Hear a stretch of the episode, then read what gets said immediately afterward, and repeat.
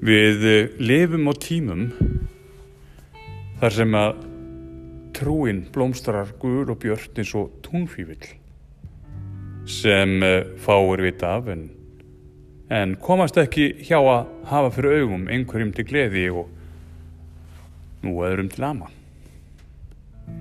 Rétt upp hönd, hver vil vera túnfífill á víðáttu engi lífsins, sagði hún skáldlega enda skáld og kennari.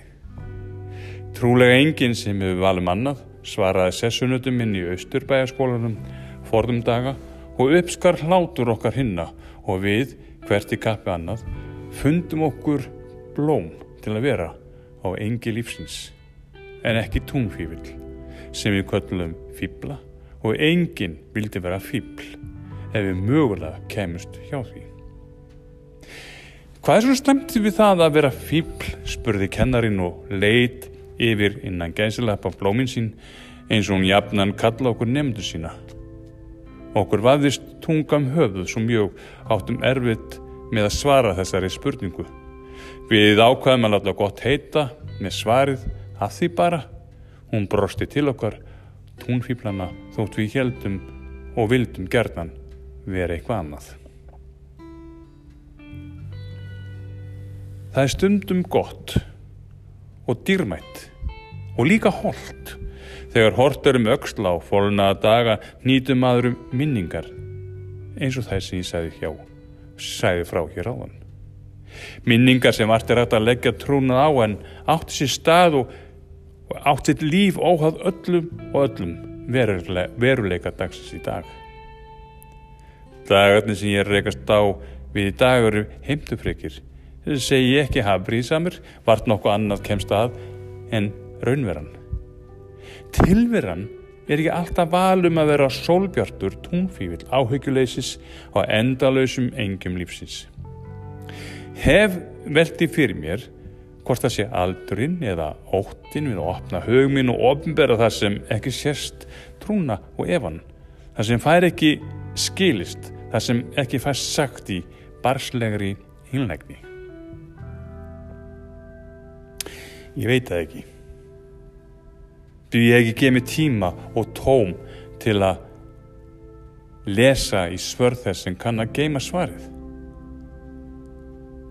Kanski er það líka að ég hef ekki kjark til að leita eftir því. Veldi fyrir mér hvort ég þurfi að finna svar. Nútíminn er þannig að við þurfum eiga svar og hafa skoðun á öllu eða flestu í stað þess að játa fyrir sjálfum okkur og öðrum að við þurfum ekki að leita svari. Það er þarna einhver staðar og ef það svarið kæri sem veit það hvar okkur er að finna. Það fær mér til að leggja huga því sem að myndlistamæðurinn Georg Guðniheitin segði einhverju sinni aðspörður um eitt verka sinna. Loftið og rýmið sem er að millu okkar og endanleikans. Kanski er þetta eins og eilifin, eins og rými hugsunarinnar eða við huglega rými, segði myndlistamæðurinn Georg Guðniheitin.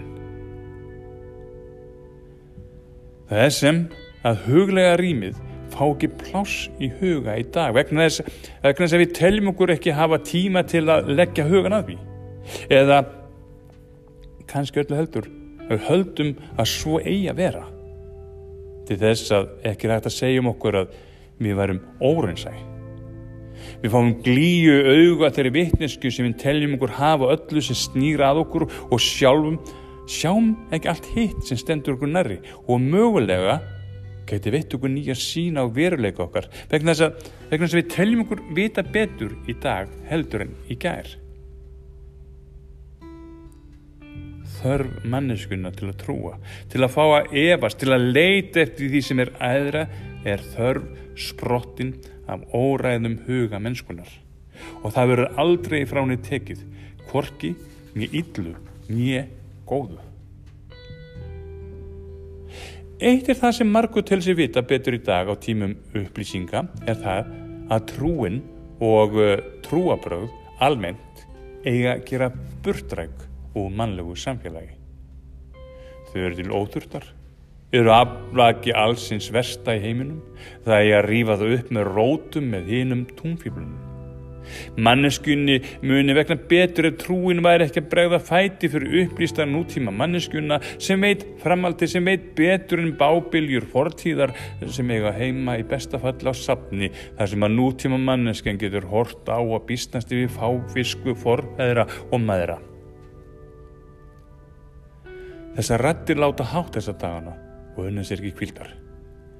Jarfögur sá sem þessar rættir sprettu upp er jarfögur frjór jarfugur öfga trúar og trúleisis. Hugsun eða andrum trúarinnar á sér ekkert rými sem heldur auðvitaðnumanna og hindrar á hvaða vegu sem er. Þess vegna er trúin, sér trúin, á trúin sér förnut sem er efinn. Trúin og efinn verð ekki bundin í klafa mannlegs hyggju við því að hún er svo miklu starri og, er, og hún er víðóttum mér á engi lífsins björnt sem guli túnfýrblar sem leifa sér að efast um að nokkur vilji vera það sem þeir eru.